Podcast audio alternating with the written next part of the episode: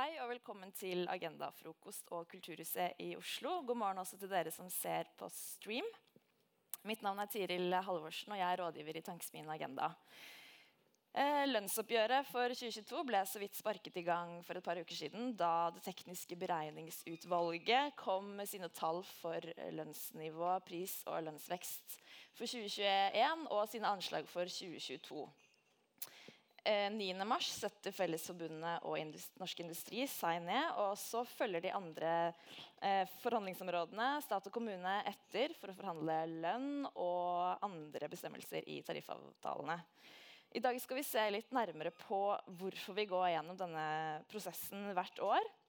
Og vi skal møte politikere som skal fortelle litt om hvordan de kan støtte opp under og jobbe rundt denne modellen, som vi skal eh, snakke mye om eh, nå. Eh, og jeg vil jo da gjerne ønske velkommen til Roger Bjørnstad, sjeføkonom i LO, og Øystein Dørum, sjeføkonom i NHO. Begge representanter da, i dette TBU-utvalget.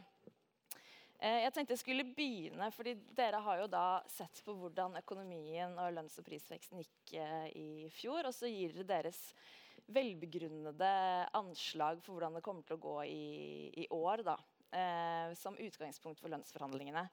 Så jeg tenkte å bare spørre dere først, Nå er jo det internasjonale bakteppet dystrere enn på lenge. Men går det an å si noe eh, sett med lønnsforhandlingsbrillene? da, eh, Hvordan norsk økonomi ser ut? Kan begynne med deg, Roger. Ja, eh, Det er jo en veldig spesiell tid vi har vært gjennom. Eh, to år med pandemi. Eh, det har vi håndtert bra i den forstand at vi har klart å løfte oss raskt opp igjen eh, etter at eh, smitteverntiltakene har blitt lempa på. og Sysselsettingsveksten er eh, rekordhøy, og vi nærmer oss sysselsettingsnivåer som vi hadde ikke bare før pandemien, men tidligere på 2000-tallet. Eh, så det viste jo at de tiltakene vi gjorde for å hindre liksom, utstøting og konkurser, har virket.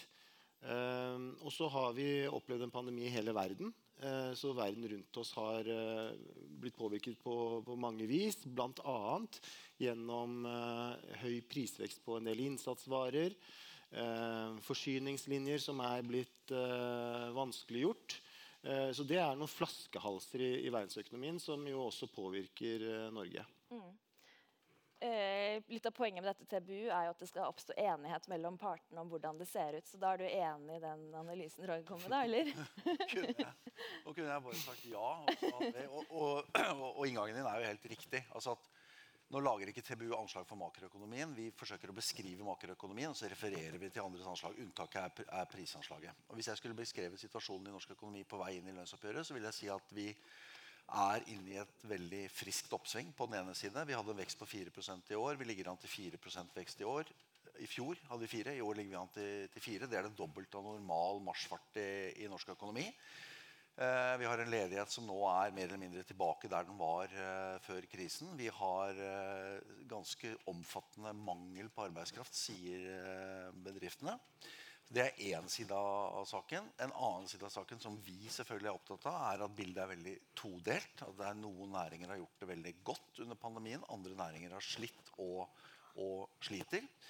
Det tredje som Roger var innom, er at uh, den store hodepinen, og dette er før Ukraina-invasjonen, det, det var tendenser til flaskehalser, vareknapphet, prisstigning på en rekke om områder. Og den høyeste prisveksten i industrilandene på over 30 år. Og som en konsekvens av det høyere renter. Så det var i utgangspunktet mørke skyer eh, der ute. Og så eh, er vår foreløpige vurdering av det som har skjedd i Ukraina, er at eh, det har selvfølgelig økt usikkerheten vesentlig. Det som er varslet av sanksjoner til nå, det har ikke potensial for å kjøre verdensøkonomien eller for den del norsk økonomi eh, i grøfta. Men det er jo et veldig åpent spørsmål hva som skal til for at man tvinger eh, Putin tilbake til forhandlingsbordet. Og da kan vi snakke om større effekter i råvaremarkeder, energimarkeder og på priser mm. mer generelt. Ja, for Man er jo bekymra for inflasjon i mange avisspalter og blant mange økonomer nå. Hvor Hvor bekymret bør vi være i Norge, og, og hvilken rolle måte spiller lønnsoppgjøret inn i en sånn inflasjon? Ja, Det er egentlig et komplisert spørsmål, for man må se litt på hva som er årsaken til inflasjon. Altså, på mange måter så har eh, lav prisvekst, eller til og med fallende priser, kanskje vært et eh, større problem for eh, både norsk og, og internasjonal økonomi i lang tid. Eh, tross alt så bidrar jo inflasjon til å smøre økonomien, lette omstillinger og eh, bidra til at relative priser kan, kan, endre seg. og Dette er noe vi peker på i TBU også. Men nå er jo eh, årsak til denne inflasjonen skyldes jo ikke kan du si, høyt etterspørselspress, i hvert fall ikke alene. Det har, eh, det har vært begrensninger eh, på tilgang på råstoff, eh, vareforsyningen. Um, så, så, dette er noe vi økonomer kaller i hvert fall i, i en viss grad et tilbudssidesjokk. Uh, og, og, og, og, det er selvfølgelig noe som reduserer kjøpekraften til arbeidstakerne, og noe man er opptatt av i lønnsdannelsen å få kompensert. Men på en annen side så vil jeg også trekke fram at uh, den norske lønnsdannelsen, hvor vi har koordinert på tvers av sektorer for å tilpasse lønnsveksten til konkurranseevnen. Det fjerner litt av elementet å fokusere på kjøpekraften. Eh, for vi skal fordele den eh, verdiskapingen som vi, vi, vi skaper. Eh, og, og, da er det si, industriens og konkurranseutsatt sektors vilkår som, som er, er avgjørende. Eh, men for all del, mange av våre medlemmer er veldig opptatt av de høye prisveksten, og ikke minst på, på elektrisitet, som har redusert eh, kjøpekraften deres. Mm. Er man mer bekymra for inflasjon på arbeidsgiversiden, eller? Nei det, nei, det tror jeg ikke vi vil si. Altså, akkurat sant, Når det kommer til prisvekst og inn mot lønnsoppgjøret, så, så, er vi enige om én ting, og det er at uh, vi, vi, enes om et prisanslag i TBU. Vi enes om på hvilke premisser det anslaget skal uh, lages. Uh, og at det er SSB som gjør det for oss. Vi ser på en del input-variable de siste tre ukene. Gjennomsnitt f.eks. På, på terminpriser på, på, strøm, og legger det inn i, inn i modellen. Og så har vi kommet med et prisanslag nå. Det er 2,6% så det er det prisanslaget vi tror på. Og så skal TBU komme med et nytt prisanslag 10.3 når vi får februartallene. Mm. Eh, og, og, hva som vil skje da, det vil jo utviklingen fram til da vise. Altså utviklingen kronekurs og terminpriser osv. Og, så og så er det eh, helt åpenbart at eh, fra å betrakte prisvekst eller høyere prisvekst som noe forbigående, så er jo de som er havna i den andre leiren, som er litt mer bekymra for at dette er noe mer varig, de er blitt flere. Og du ser det på sentralbankenes kommunikasjon og du ser det på sentralbankenes rente, rentesetting.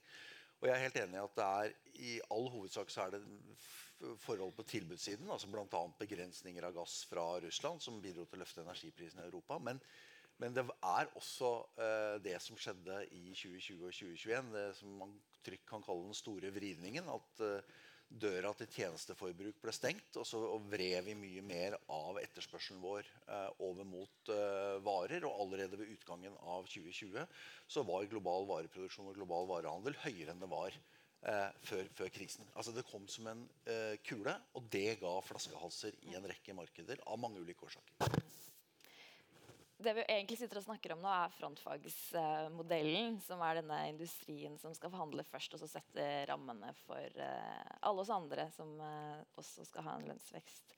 Hva er uh, bakgrunnen for at vi har en sånn modell, Roger? Ja, det er jo også et komplisert eh, spørsmål. Eh, fagbevegelsen, altså LO, eh, som da er en, er en, hovedorganisasjon av flere fagforeninger, ble stiftet i 1999, og NHO som respons på det året etter, 1900. Jeg sa 1899, var jeg ikke det? Ja. Det. ja. Men det er jo først i etterkrigstiden, og særlig på, på 60-tallet, at dette utviklet seg til en samfunnsmodell Eh, og eh, bakgrunnen var eh, tiltagende inflasjon og, og svekkelse av konkurranseevnen eh, med den høye veksten vi hadde i etterkrigstiden når vi skulle eh, bygge landet. Og, og dette bekymret eh, stort. Og spørsmålet er jo i et land med sterke fagforeninger hva skal lønningene knyttes til? Altså hva skal være et referansepunkt for lønnsveksten?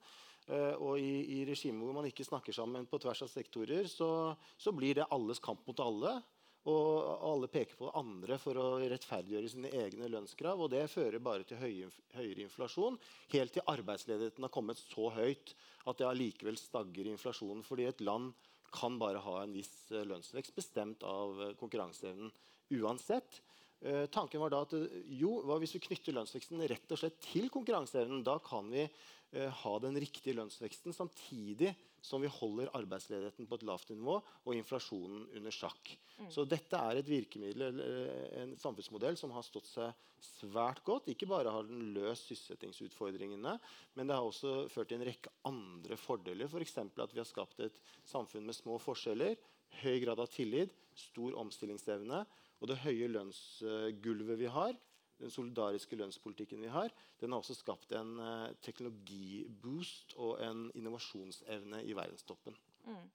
Og det her er da en lønnsfastsettelsesmodell uh, og også en samfunnsmodell da, som arbeidsgiverne og NHO uh, stiller seg bak? Som vi stiller oss bak eh, helt og holdent.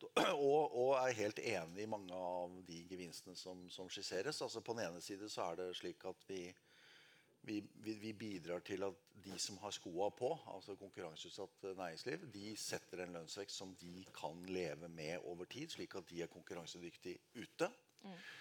Og, og det, det, er for så vidt ikke et, altså Det er en del av, av, modellen, men sånn ville det vært også i en, i en, i en helt annen, annen, verden. Det særegne med modellen er at de andre eh, oppgjørene følger etter og følger den samme lønnsveksten. Og siktemålet med det er jo å hindre at eh, industrien taper i konkurransen med arbeidskraften. Eller om arbeidskraften. Men da får man også disse gevinstene. At man løfter i, i flokk. Likeartet lønnsutvikling for brede grupper over tid. Små, eh, små forskjeller og vedvarende motivasjon for å løfte produktiviteten. Fordi at når lønningene stiger i takt med industrien, så må du faktisk jobbe smartere, løpe raskere også i andre næringer for å holde tritt mm. med, med dette. Så det er på en måte gulroten for arbeidsgiverne? det, eh, det er gulroten. Og så er vi jo øh, Selvfølgelig mener vi at modellen Ikke selvfølgelig, men modellen har også utfordringer. fordi at Eh, der ute har vi både vareproduserende næringer, hvor det kan være lett å heve produktiviteten, og tjenesteytende næringer, hvor det kanskje er krevende å heve eh, produktiviteten. Og hvor det kan være vanskelig å følge eh, frontfaget i lønnsveksten. Og det vil også være en utfordring med de som kanskje ikke har en produktivitet som når opp, og som ramler utafor i arbeidslivet. Og det er også et problem. Mm. Men er ikke det også litt av poenget med modellen? Jo, det, det, kan du, det, kan du, godt si. Så, så, Det er ikke nødvendigvis slik at det er eh, feil med modellen, men det er egenskaper med modellen som må adresseres, og som skaper spenninger. Og den andre spenningen er jo spenningen mellom private og offentlig sektor, som vi kjenner godt på i disse dager. Mm. Ja, Roger, Det er jo ikke alle som er uh, fornøyde med sånn som uh, de kommer ut uh, med frontfagsmodellen. Yrkesgrupp, kvinnedominerte yrkesgrupper i offentlig sektor uh, f.eks. Hva, hva vil du si til, til, dem? Ja, Det er ikke noe nytt at egentlig alle vil ha mer. Det, det, følger ganske, ganske greit. men det som er det spesielle, er jo at modellen har gitt Eh, eller modellen forutsetter jo sterke fagforeninger. Og det at uh, sterke fagforeninger da uh, kan bli fristet til å bruke sin makt, som modellen har gitt dem, til å kreve enda mer, det er jo en, uh, en utfordring. For, for, det er jo faktisk sånn at norsk industri er i verdenstoppen når det gjelder produktivitet. Det er den mest teknologitunge, ressursbaserte industrien i verden. Og frontfagsmodellen har jo sikret nettopp at alle grupper tar del av denne produktivitetsveksten. Tar del i denne gevinsten som ligger i, i norsk konkurranseutsatt næringsliv. Eh, og eh, det innebærer jo at eh, gruppene i offentlig sektor har kan du si, tatt del i gevinsten fra industrien, også kvinnedominerte grupper. Så lønnsnivået i norsk offentlig sektor er jo også høyest i verden. Nettopp fordi vi har sikret en link til denne produktiviteten i, i, industrien. Mm. Så eh, det som man må tenke på, er at alternative systemer for lønnsdannelse for det første ville svekket deres makt til å oppnå eh, goder og, og, og, høy lønnsvekst. Og for det andre ville ført til eh, en mer markedsutsatt eh, lønnsdannelse som hadde svekket eh, kvinnedominerte yrker i, i, i, kampen om lønnsveksten. Og, og, eh, sånn sett så er jo også lønnsforskjellen mellom kvinner og, menn eh, små i Norge. Eh, og skyldes ikke frontfagsmodellen. Det er markedskreftene som er årsaken til eh, kjønnsforskjellene. Mm. Eh, vi har redusert de kjønn, kjønnsforskjellene. Men er det sånn å forstå da, at hvis det er historiske, strukturelle ting som, eller forhold som ligger til grunn for at forskjellene da, mellom kvinner og menn for eksempel, eller, offentlig, eller like utdanningsgrupper i ulike sektorer tjener forskjellig, er det da ingen, ingen rom innenfor dagens eh, modell til å, til å ta noen, noen, løft? da, fordi vi kan jo på en måte også bli bedre, selv om uh, vi relativt sett kommer godt ut da, på uh, likelønn. Mm. Jo da, det er, rom, det er, jo relativt store tariffområder som koordineres med, med, industrien. Så det er jo bare den samla lønnsveksten i, i, dette tariffområdet som, som, må være i tråd med industrien. For det er det, det er det, vi har av lønnsgrunnlag, det er det vi har av verdiskaping som vi kan fordele. Så vi kan ikke fordele mer enn det, men vi kan fordele eh, internt. Eh, så det innebærer jo at innenfor hele kommunesektor det er én tariffavtale. KS eh, med KS. Og det er enormt store grupper der. Så der vil jo det være mulig for å, å forhandle eh, fram relative forskjeller. Men, men, det er jo selvfølgelig da må noen få mindre hvis andre skal få mer. Og, og det er jo ikke lett, selvfølgelig. Mm. Men det innebærer at det er et rom hvis, man, hvis alle er enige om at her er det skjevheter. Mm. Så den kampen er på en måte eh, mot uh, sin uh, Eller innenfor sitt område, ikke egentlig mot frontfagsmodellen som helhet. Nei, for der er jo lønnsgrunnlaget måte, gitt. Vi kan jo ikke ofre konkurranseevnen. For da er vi jo på det systemet hvor alle skal slåss mot alle. Da. Mm. Og da er det eneste vi oppnår, høyere inflasjon, høyere arbeidsledighet, tap på konkurranseevne. Så det er ikke en vei å gå. Jeg bare spørre kort en gang først. For Det er jo noen grupper som får mer enn andre, f.eks. ved å sette innenfor finans og, og varehandelen. Er det, er, da anser du det som en stor trussel da, mot uh, frontfagsmodellen? Ja, det er det. Og som jeg sa, det er ikke noe nytt at alle vil ha mer. Uh, og noen er faktisk i stand til å hente ut mer.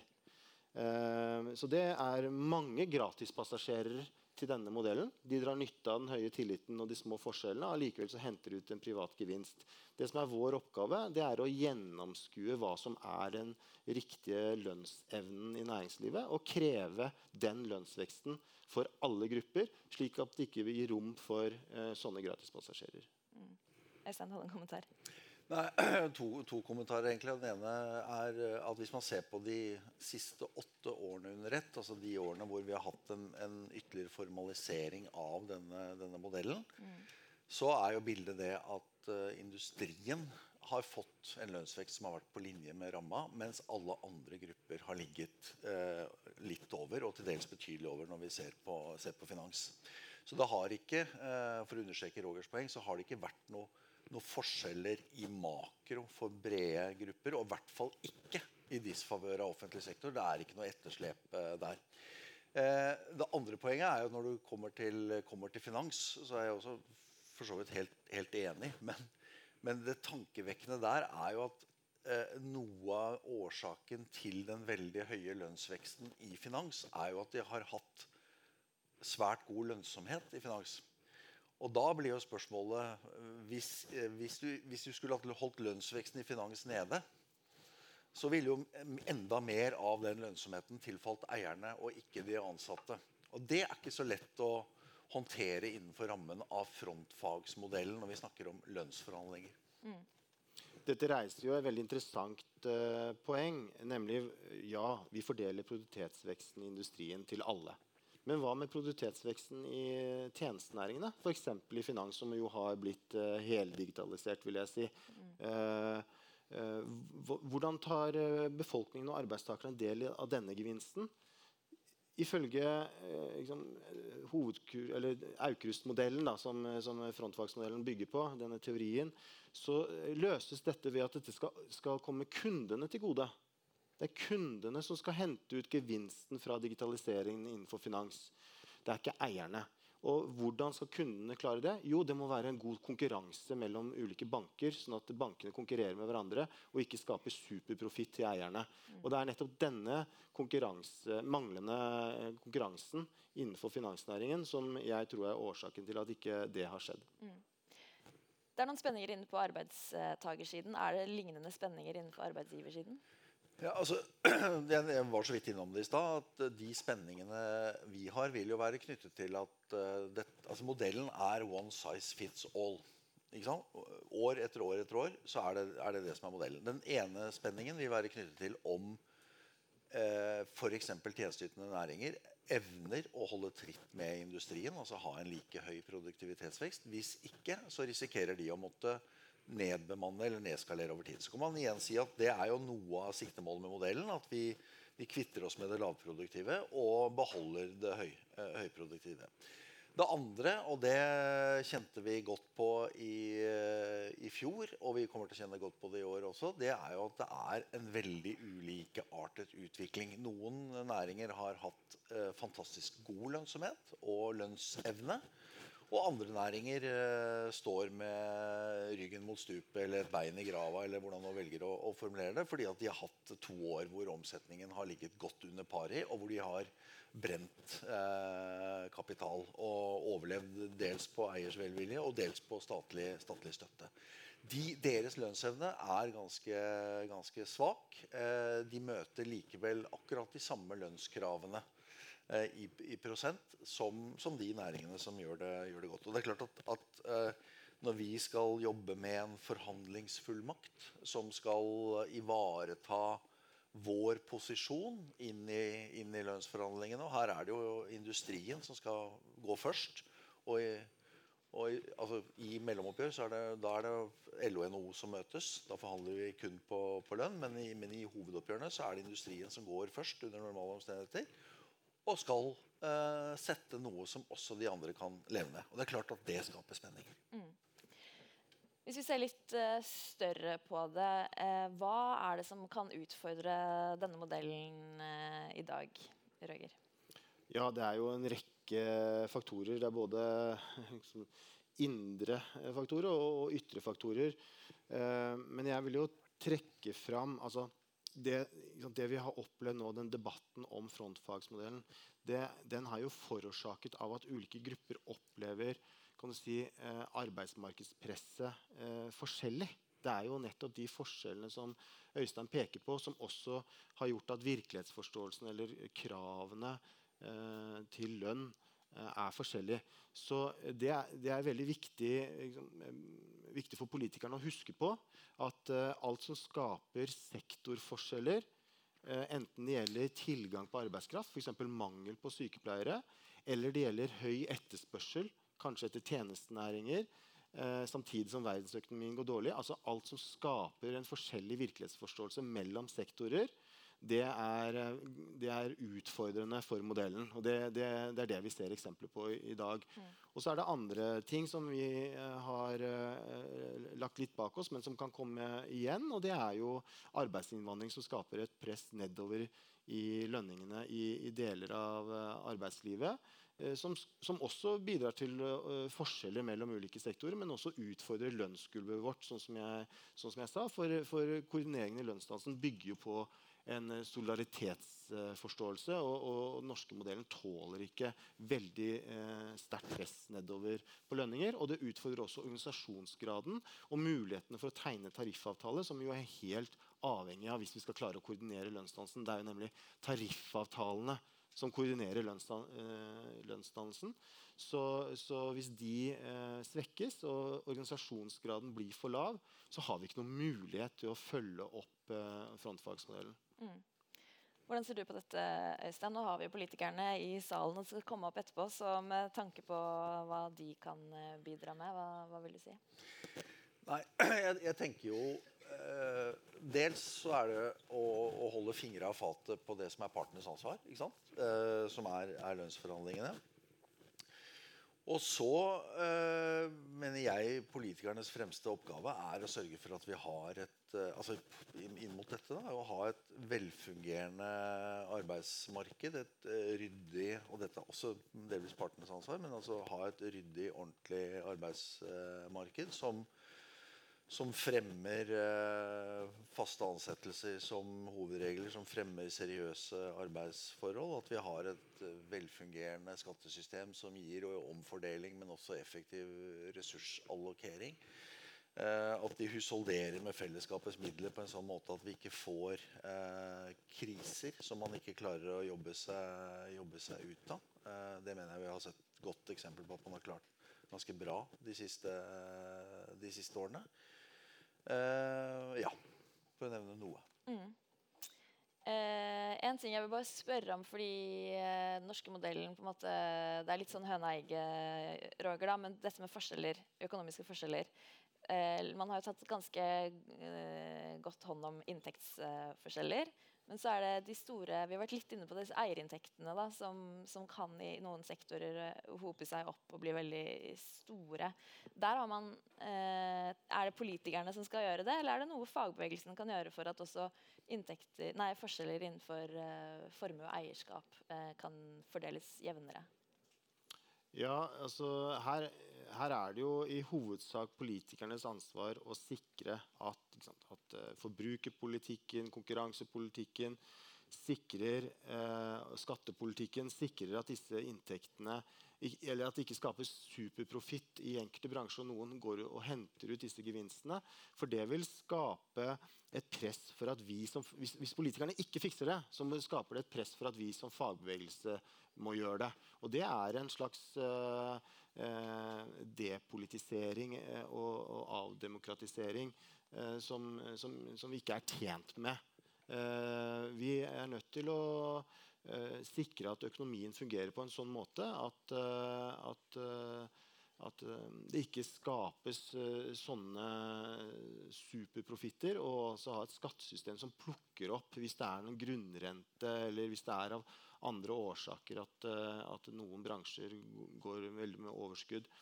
Um, og, og, og, I dette spørsmålet så, så bringer vi også inn altså, eh, internasjonal kapitalbevegelser og skattetilpasning, overskuddsflytting og, og, sånt noe, som er en utfordring også for, eh, for, modellen. Ikke bare fordi at inntekter forsvinner ut av landet og arbeidstakere eh, som produserer disse verdiene, ikke, ikke, tar del av dem, men også fordi at skattegrunnlaget for å finansiere en velferdsstat blir eh, utfordret, og skattemoralen sånn sett. Så, det, så, her er det viktig at politikerne er på ballen. Mm.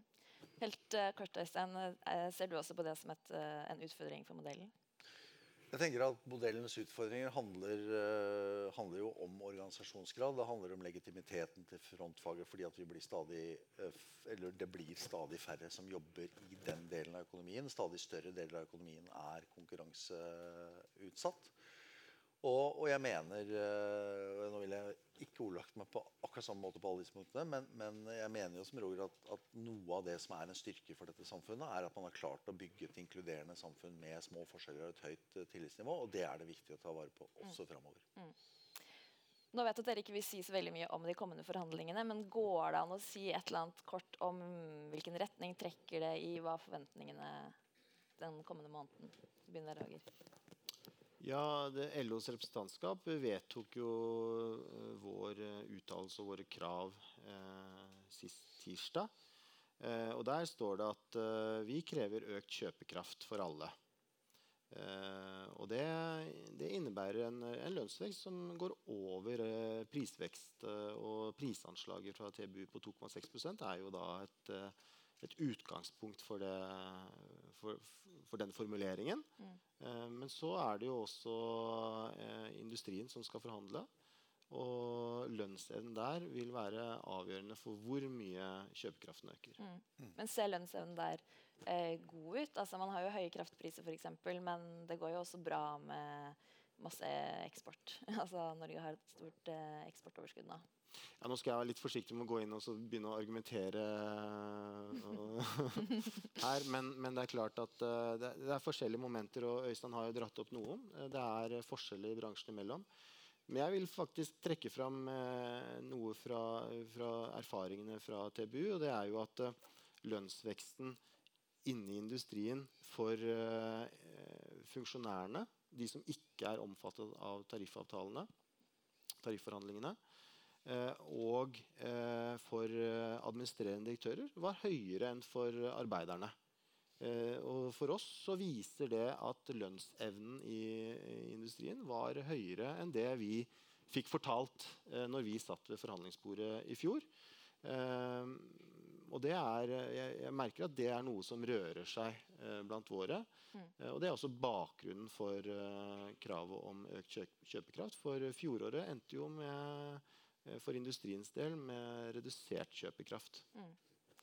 Øystein, hva er dine tanker nå på vei inn i det er, det er, ikke så mye man kan si. Altså, vi vedtar vår forhandlingsfullmakt på torsdag denne uken. Eh, og de siste årene så har det stått noe om konkurranseevne i den fullmakten. Altså styrke, ivareta, bedre, et eller annet sånt. Og og det er nærliggende å tro at det vil være noe rundt, rundt det. Mm. Uh, for det står, ganske, det står ganske sentralt i, uh, i, modellen.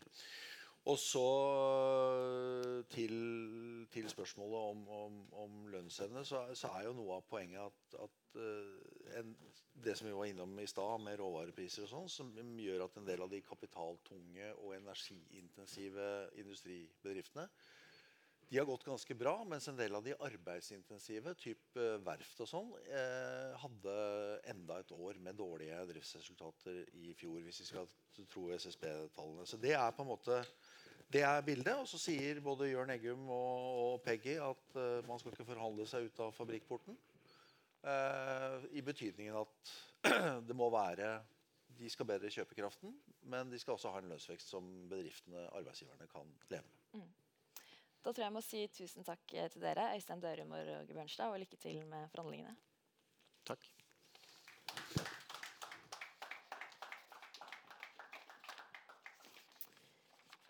Ja, Da kan jeg ønske Tuva Moflag fra Arbeiderpartiet, Ola Elvestuen fra Venstre opp eh, på scenen. Eh, Kari Elisabeth Kaski hun er i en taxi på vei, på vei ned, så vi får se når hun dukker opp. Men vi kan jo begynne med, med dere. Eh, nå har dere hørt litt på disse sjeføkonomene om hva de eh, forteller, og at denne lønnsforhandlingsmodellen også egentlig er en samfunnsmodell. Eh, hvordan ser du på din og som politikers eh, rolle i den samfunnsmodellen, Ola? Ja, nå tror jeg Med den usikkerheten du har i verden For det første skal vi være veldig glad for at vi har den modellen trepartssamarbeidet har, eh, har fungert veldig godt i, i Norge. Og i, i, Venstre er vi stolte av at det er Pål Berg som er, eh, som er også den roten til det fra, fra 30-tallet. Eh, og, og, er det noe tidspunkt hvor vi ikke skal begynne å gjøre endringer på det, så er det nå. For det, Når jeg hører også disse vurderingene også av både norsk økonomi nå og hvordan norsk økonomi kommer til å være i året framover, så tror jeg vel det, det, vi være, det vi kan være helt sikre på, er at det blir ikke sånn. Mm. Både med at europeisk historie er helt totalt forandra eh, med den russiske invasjonen i, i Ukraina. Eh, og det er klart at de, de, sanksjonene som vi har nå Russisk økonomi er ikke så viktig, og det har ikke så mye å si.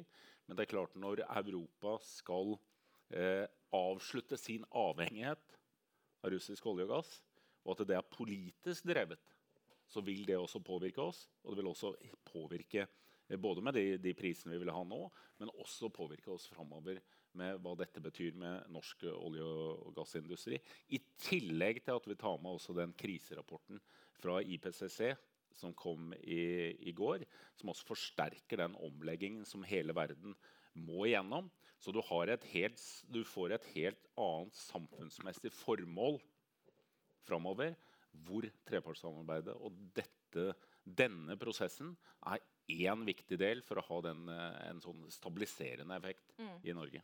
Så hvis det er sånn at denne krigen i Ukraina for vil gi enda høyere kraftpriser over enda lengre tid, så ser du på det som politikernes jobb å, å gjøre noe med det, og ikke nødvendigvis eh, frontfagets eller partene sin, sin, jobb? Nei, Å endre denne modellen nå vil være helt feil tidspunkt. Dette fungerer. Eh, og det er usikkerheten omkring som vi må forholde oss til, eh, med at du har eh, hvor, Det er avhengig av hvor lenge Putin sitter i Kreml. Så vil europeisk samhandling være helt annerledes i åra framover. Også vårt formål med hva vi trenger å gjøre, vil være helt annerledes.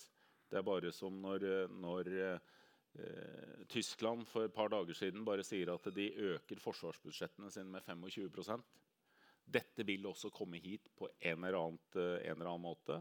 Samtidig som hele den integrerte, uh, integrerte energisystemet som vi har, vil bli forsterka enda mer med de føringene det også får her. Mm. Tuva Moflag, eh, Båndene mellom LO og Arbeiderpartiet er jo historisk tette og, og sterke. Hvordan ser du på, på din rolle på, på Stortinget da, til å samhandle med denne modellen uten å, å, blande seg inn, eh, som de sier. Ja, Det er veldig viktig med, med, rolleforståelse i den fasen som vi er inne i nå. For når du da spør om den norske modellen, frontfagsmodellen, så har vi jo ulike roller inn i den og ulike oppgaver. Og vi som politikere skal jo holde oss unna lønnsdannelsen. Samtidig så er du også inne på spørsmål som viser helt tydelig at disse tingene griper jo inn i hverandre.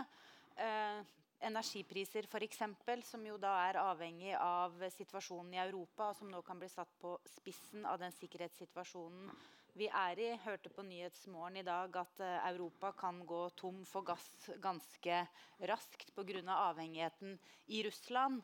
Eh, noe som igjen kan bety veldig mye for energiprisene i Norge måten vi har løst det på eh, i de månedene som vi har lagt bak oss og er midt inni, er jo en særskilt strømstøtteordning. ikke sant? Hvor vi har gått inn og hjulpet husholdningene med å klare ekstraordinært store eh, regninger. Så sånn sett så griper jo vi også direkte inn i forbrukernes økonomi.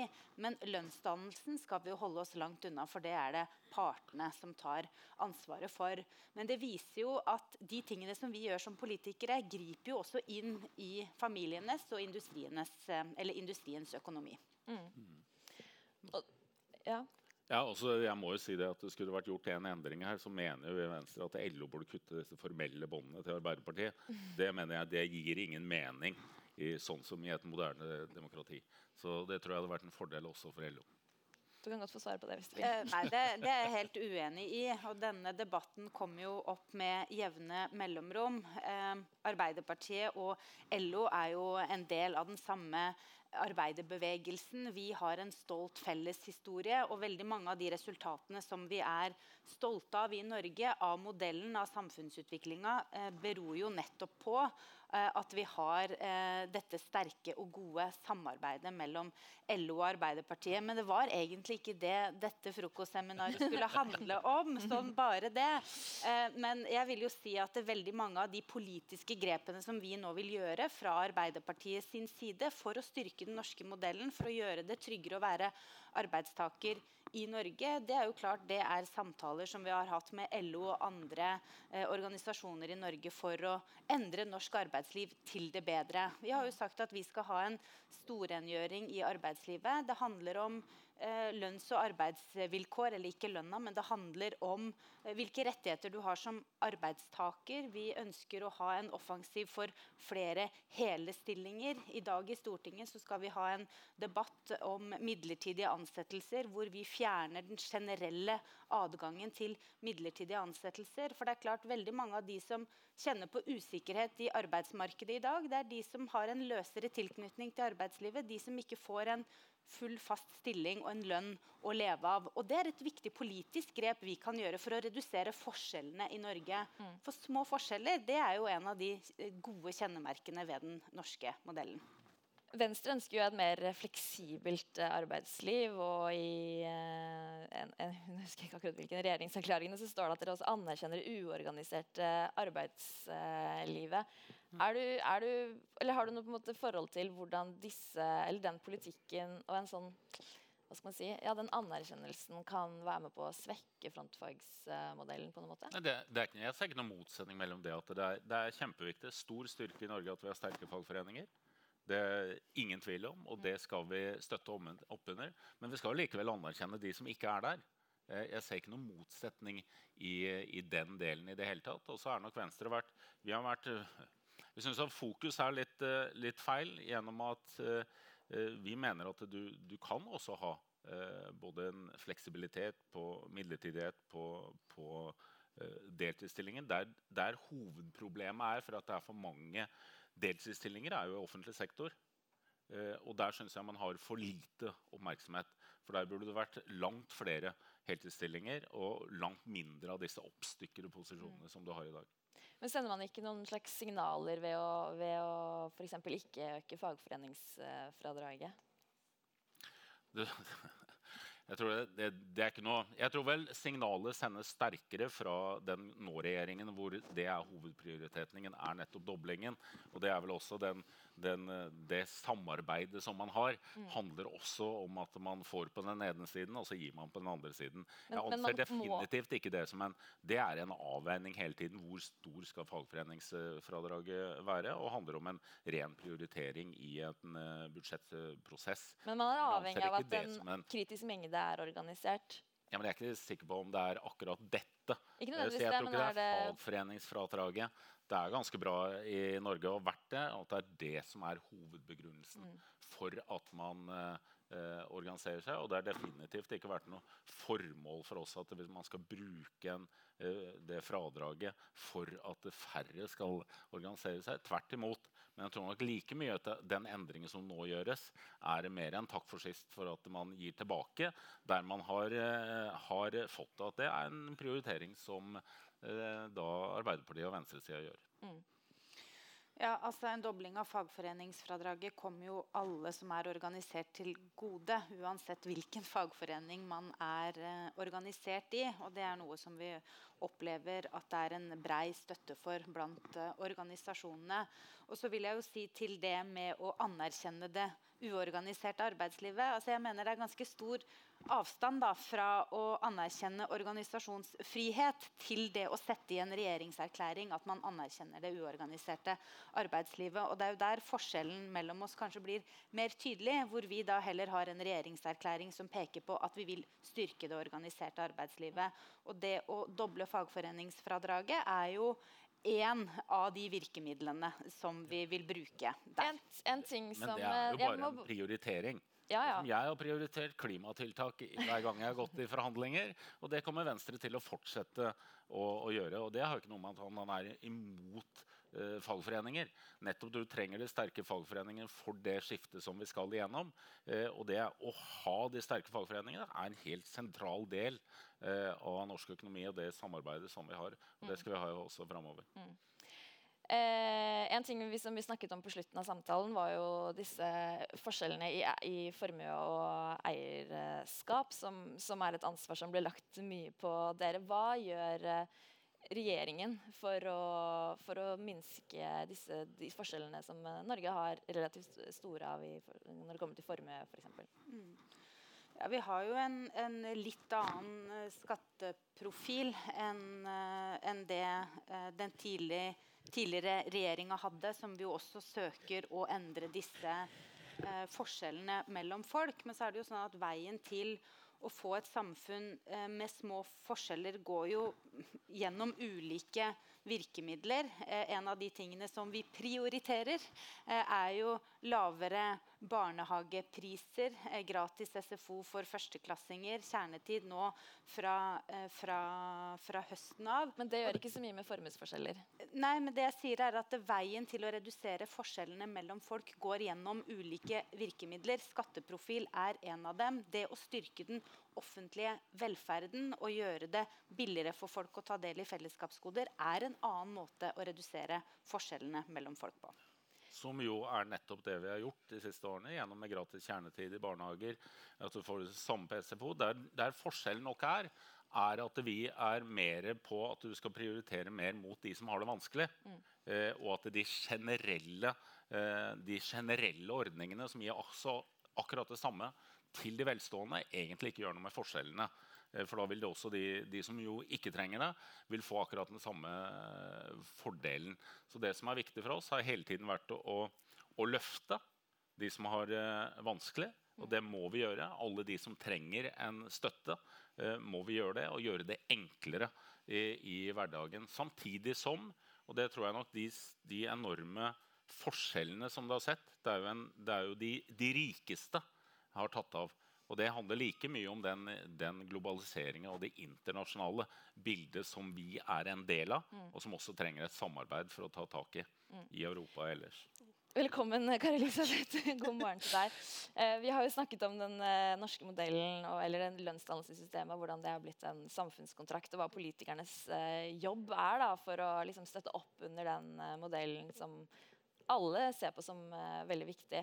Um, jeg tenkte Du kan svare litt generelt på det. og så lurte jeg på, for Vi har også snakket om forskjeller mellom utdanningsgrupper og offentlig privat sektor. og SV tar til orde for en, en likelønnspott. Så om du kan si noe om bakgrunnen for det? Ja, takk, og beklager forsinkelsen.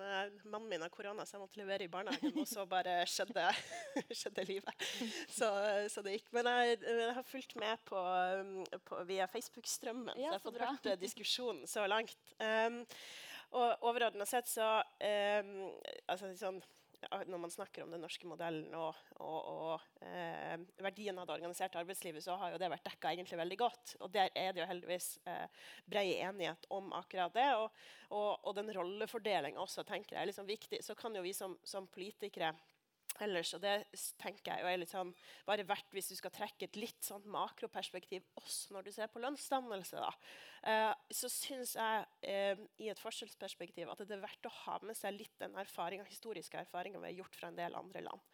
Når du ser utviklinga i bl.a. Storbritannia og USA eh, gjennom de siste 30 årene, der forskjellene har vokst dramatisk, som har fått helt reelle eh, politiske og demokratiske konsekvenser sånn, Framveksten av Trump og, og den, eh, den store svekkelsen av tillit i det amerikanske systemet annet, eh, har jo en rotfesting tilbake til bl.a. at veldig mange har opplevd et reelt fall i eh, Eh, i reallønna si. Eh, og at de har eh, havna bakpå. At de ikke klarer å henge med verken politisk eller økonomisk. Så Derfor er det jo et bredt samfunnsansvar tenker jeg, også å, å sørge for at den brede lag av befolkninga er med. Eh, selv om ikke vi politikere skal gå inn i lønnsdannelsen eksplisitt. Men vi har et ansvar for å bidra til eh, å holde forskjellene nede på veldig mange andre måter. Og på å eh, ivareta folk flest sin økonomi. Og det eh, må jeg jo si at som finanspolitiker eh, er jo akkurat i den tida vi står oppe i nå, der ting er så vanvittig usikkert framover, eh, er jo en særlig viktig oppgave som vi får, og som, som er viktigere enn noensinne. Og vi, vi, vet jo ikke hvordan ting kommer til å spille seg ut med de kommende eh, ukene og månedene framover. Men, men at vi må i hvert fall være helt tydelige på at vi skal stille opp, og det er en av våre viktigste oppgaver fremover. er å ivareta akkurat det. Så til likelønnspott så er jo faktisk sånn at SV har gått bort fra det i vårt siste program. um, og uh, det, uh, når det er sagt, altså, det var et bevisst valg. Uh, men du har absolutt mye folk i partiet som fortsatt er tilhengere av det, og det er en diskusjon som vi har hatt hele tida. Altså, vi har jo og, og, bakgrunnen er selvfølgelig eh, den, den, erkjennelsen som er at, at eh, de kvinnedominerte yrkene sin, sin, lønnsutvikling henger etter. Eh, og vi har, har, mange har mange diskusjoner om hva som er de beste virkemidlene for å møte akkurat det. Eh, Likelønnspott har vært en sånt forslag, men det har vi egentlig gått bort ifra nå, for vi ser at det har vært vanskelig å gjennomføre i praksis.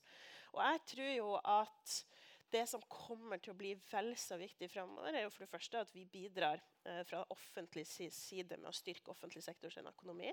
Vi har en stor oppgave politisk i å bidra til å få ned deltid. Det er kjempeviktig. Uh, og der er regjeringa liksom også på godt vei, og vi skal støtte opp under, opp under det. Og så uh, mener jeg at det er viktig at vi også er pådriver for um, flere forsøk og, og, flere muligheter til å få redusert arbeidstid. Uh, Sekstimersdagen er jo en, en gammel diskusjon, uh, og nå kan vi åpne opp for en helt sånn makroøkonomisk svær diskusjon også om statsfinansene. Men, men uh, gitt også den produktivitetsdiskusjonen som var i forrige bolk, så mener jeg at vi må ha med oss også arbeidstidsreduksjon som en del av bildet. Men da selvfølgelig med full lønnskompensasjon. Er det liksom, hvis det er stor sykepleiermangel, lærermangel, eh, hva skal politikerne gjøre med det problemet nå er jo at det er Eller der vi er nå, så er det jo mangel på folk i mange områder. Eh, og det tror jeg er noe som vi, hvis verden utvikler seg stabilt, så kan det fort være en utvikling også framover. At det vil være mangel på folk innenfor flere områder. Og det er det som egentlig er hovedproblemet. Eh, men nå er det jo liksom, dette er så stor usikkerhet. Vi vet, ikke, vi vet ikke hvor mange flyktninger vi har fra Ukraina i løpet av de neste månedene. Vi vet ikke hvor mye bevegelser det blir med folk også som vil komme hit og sette utfordringer også mot, uh, også mot, mot oss.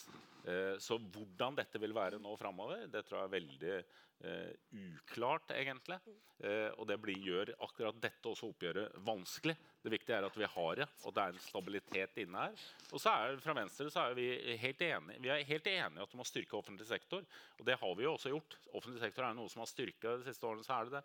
Men du må ha en styrking av privat næringsliv for å kunne styrke offentlig sektor. Eh, og vi kan ikke være like det kan, det kan, også være sånn at det er ikke en like stor selvfølge i åra framover at vi har et oljefond vi kan hente ut av eh, hver eneste gang vi ønsker det. Den stabiliteten er heller ikke like sikker i en verden som er mye mer ustabil mm. eh, nå. I hvert fall mye mer uklart hvordan utviklingen kommer til å være. Det er mye usikkerhet, men at vi kommer til å mangle for helsepersonell, det, det, tror jeg kan være ganske sikre på. Og I tillegg så er det denne sykepleierindeksen som viser at som sykepleier så har du egentlig ikke råd til å kjøpe deg en bolig i Oslo. Er det et problem for politikerne, og er det i så fall et, et, et kjøpekraftsproblem? Er det et boligpolitikkproblem? Altså, hva, og hva i så fall eh, skal man eh, gjøre? Fordi det, det, skaper jo også på en måte spenninger i den modellen da, som alle vil bevare. Mm. Det er et sammensatt problem. og det er klart Nå har sykepleieindeksen fått Eh, mye oppmerksomhet. Men jeg har også snakka med håndverksbedrifter som sier at de som bygger boligene i Oslo, har ikke råd til å bo i dem sjøl. Sånn at dette er ikke et problem som er unikt for sykepleierne. Dette er det mange arbeidstakere som opplever.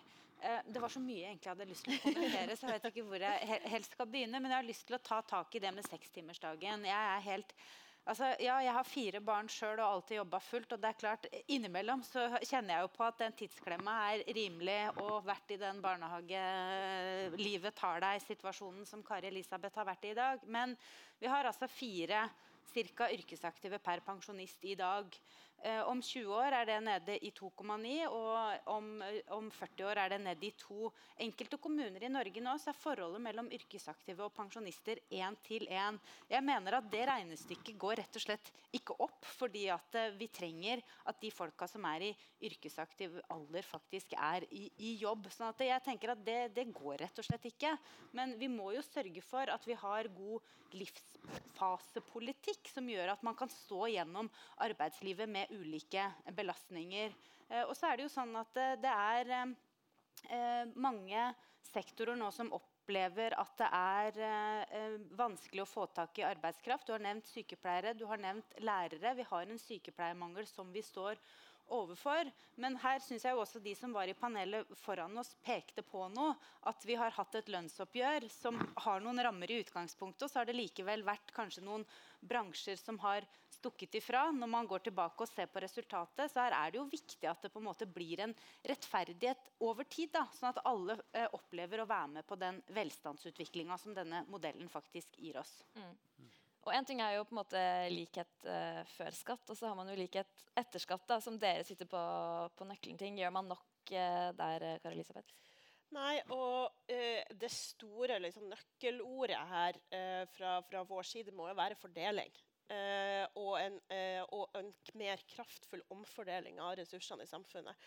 Eh, gjennom de siste årene så ser vi jo både hvordan det er sånn at For å putte det inn i litt sånn gammeldagse begreper, kanskje, men kapitaleierne sitter igjen med en langt større andel sant, av verdiskapinga enn det lønnstakerne gjør. Eh, på samme måte som man ser at den private forbruksveksten har vokst og vokst og vokst, og kommer til å fortsette fremover også.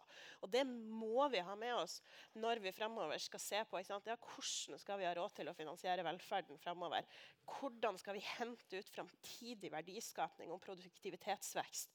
Uh, og, og, da må vi være villige til å omfordele mer enn det vi har gjort de siste årene. Også fordi vi kan ikke regne med at oljefondet skal, skal kunne bidra med én av seks uh, kroner fremover i, på statsbudsjettet. Derfor så, så, så må vi eh, omfordele i mye mye større grad, og det har vi stort rom for. og du kan på en måte starte veldig på toppen i akkurat det, og samtidig ivareta at folk flest med helt vanlig lønn fortsatt kommer ut i pluss. Mm. og det vil jeg bare si også sånn, jeg vil advare mot å gjøre en sånn eh, arbeidstidsreduksjonsdiskusjon til først og fremst en sånn småbarns Eh, småbarns, eh, eh, småbarnsfamiliene skal få livet til å gå opp, selv om jeg forstår veldig godt behovet for det òg. Eh, for meg så handler det også til syvende og sist nettopp om den eh, diskusjonen om fordeling da, og hvordan du skal hente ut produktivitetsveksten, som riktignok har gått litt ned. Så vi skal liksom ha med oss det perspektivet der også framover. Og så er ikke det noe vi kan vedta fra Stortinget sånn. Det må skje gjennom forhandlingsinstituttet. Eh, men, men det er en realitet at vi har veldig mye folk i dag i arbeidsfør arbeidsfør alder som ikke er i arbeidslivet. Og det å snakke mer om hvordan vi kan dele på arbeidet også, og tilrettelegge for det, er en bit av det. Tenker, altså, en veldig naturlig ting for uh, politikere er å være bekymret eller være opptatt av måte, den samlede kjøpekraften i befolkningen. Det er jo litt derfor man går inn med strømpakker og, og sånn, for å, for å, sikre at folk da kommer ut i i pluss og kan fortsette å forbruke ting i, i økonomien. Og så ser man at uh, sannsynligvis vil renta gå opp. Er, er du bekymra for at uh, man på et eller annet tidspunkt uh, syr puter under armene på folk eller går inn med for mye offentlige penger i økonomien for å, for å sikre kjøpekraften, rett og slett? Nei, jeg syns ikke formålet er ikke, er ikke det. Jeg mener Formålet også med den støtteordningen som vi har nå, det er folk som har reelle problemer. Eh, og det er de vi først og fremst skal støtte. Og så er det vanskelig å gjøre dette på en målretta nok måte. sånn at du ikke, Det er jo akkurat som koronastøtten også. At dere treffer også de som egentlig ikke treffer det. Fordi det er vanskelig å gjøre det målretta nok. Men formålet er det ingen tvil om. Og jeg skulle mene, vi mener jo at strømstøtten også burde vært, kunne vært enda spissere eh, inn mot eh, det. Det som er utfordringen, er jo at vi skal selvfølgelig ha et skattesystem som er fordelende. Eh, men så må dette gjøres på en sånn måte at du likevel ikke undergraver på en måte den næringsutviklingen som vi trenger. Eh, jeg at Man har en for ensidig fokus på formuesskatten eh, fra, fra regjeringa og de som nå, nå, lager. For man må passe på at dette ikke undergraver. Og så trenger vi, når det gjelder de ekstreme verdiene, så trenger vi mer europeisk samarbeid. Jeg skal ikke si vi burde vært medlem i EU, men det burde vi. Men, men det handler om Nei, men Det handler om, eh, om, hvordan tar du tak i de internasjonale teknologiselskapene. Eh, hvordan, ta, hvordan, bekjemper vi på en måte de skatteparadisene, alt det som kan utnyttes der ute. Og som vi må være Du må ha et større samarbeid for å kunne ta tak i. Mm. Jeg vil si at Formålet er, eh, er, velferd og fordeling eh, på det som regjeringa har gått inn med der. Og jeg er helt enig med med Ola i at dette handler jo om å avhjelpe situasjonen for folk som rett og slett har vært utrolig bekymra for om de kommer seg gjennom vinteren. Eh, folk som sier at de har skrudd ned temperaturen så lavt at de blir sjukere. For de som kanskje er, har dårlig helse, dårlig økonomi i utgangspunktet, som blir truffet aller eh, hardest av det. Mm. Ja, det her er en veldig god anledning for å dra en sånn kjepphest som, som er ridde i noen uh, uker nå, som knytter seg akkurat til den type statlig støtte. Fordi jeg tror jo at gjennom koronakrisa så har vi jo blitt godt vant selvfølgelig til at staten skal stille opp og bidra. Og det har vi gjort i stort monn. Men vi skal jo ikke gjøre det for alle. Uh, og nå er vi nødt til å begynne å skille mellom det å avhjelpe folk flest sin, liksom, sin, reelle økonomi, det å sørge for at de kan ha, liksom, kompenseres for altfor høye strømpriser, og det å, å, gå inn og egentlig avhjelpe f.eks. næringslivet. Fordi at det er en innsatsfaktor som har blitt dyrere. Og, og det presset som kommer nå, eh, bl.a. fra næringslivet sine organisasjoner, men også til dels fra høyresida, for å gi strømhjelp til næringslivet, det vil jeg advare veldig sterkt mot.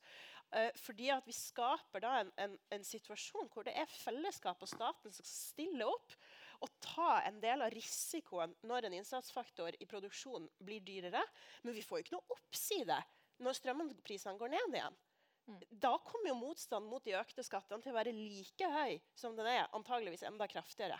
Og det er en veldig farlig galei tenker, som, som vi har starta på etter koronakrisa, og, og, og, som vi ikke må gå ned. Eh, vi, staten kan ikke være en sånn der forsikringsselskap mot kapitalismen for folk som er villige til å ta risiko og drive bedrifter og virksomhet. Mm. Nå er klokken eh, to over ni, så må dessverre avslutte. Dette kunne blitt en sånn dagsseminar om eh, finanspolitikk og sånn. Men uh, tusen takk for at dere kom til Agendafrokost. Kari Lisbeth Kaski fra SV, Tuva Moflag fra Arbeiderpartiet, Ola Elvestuen fra Venstre. Tusen takk for oss.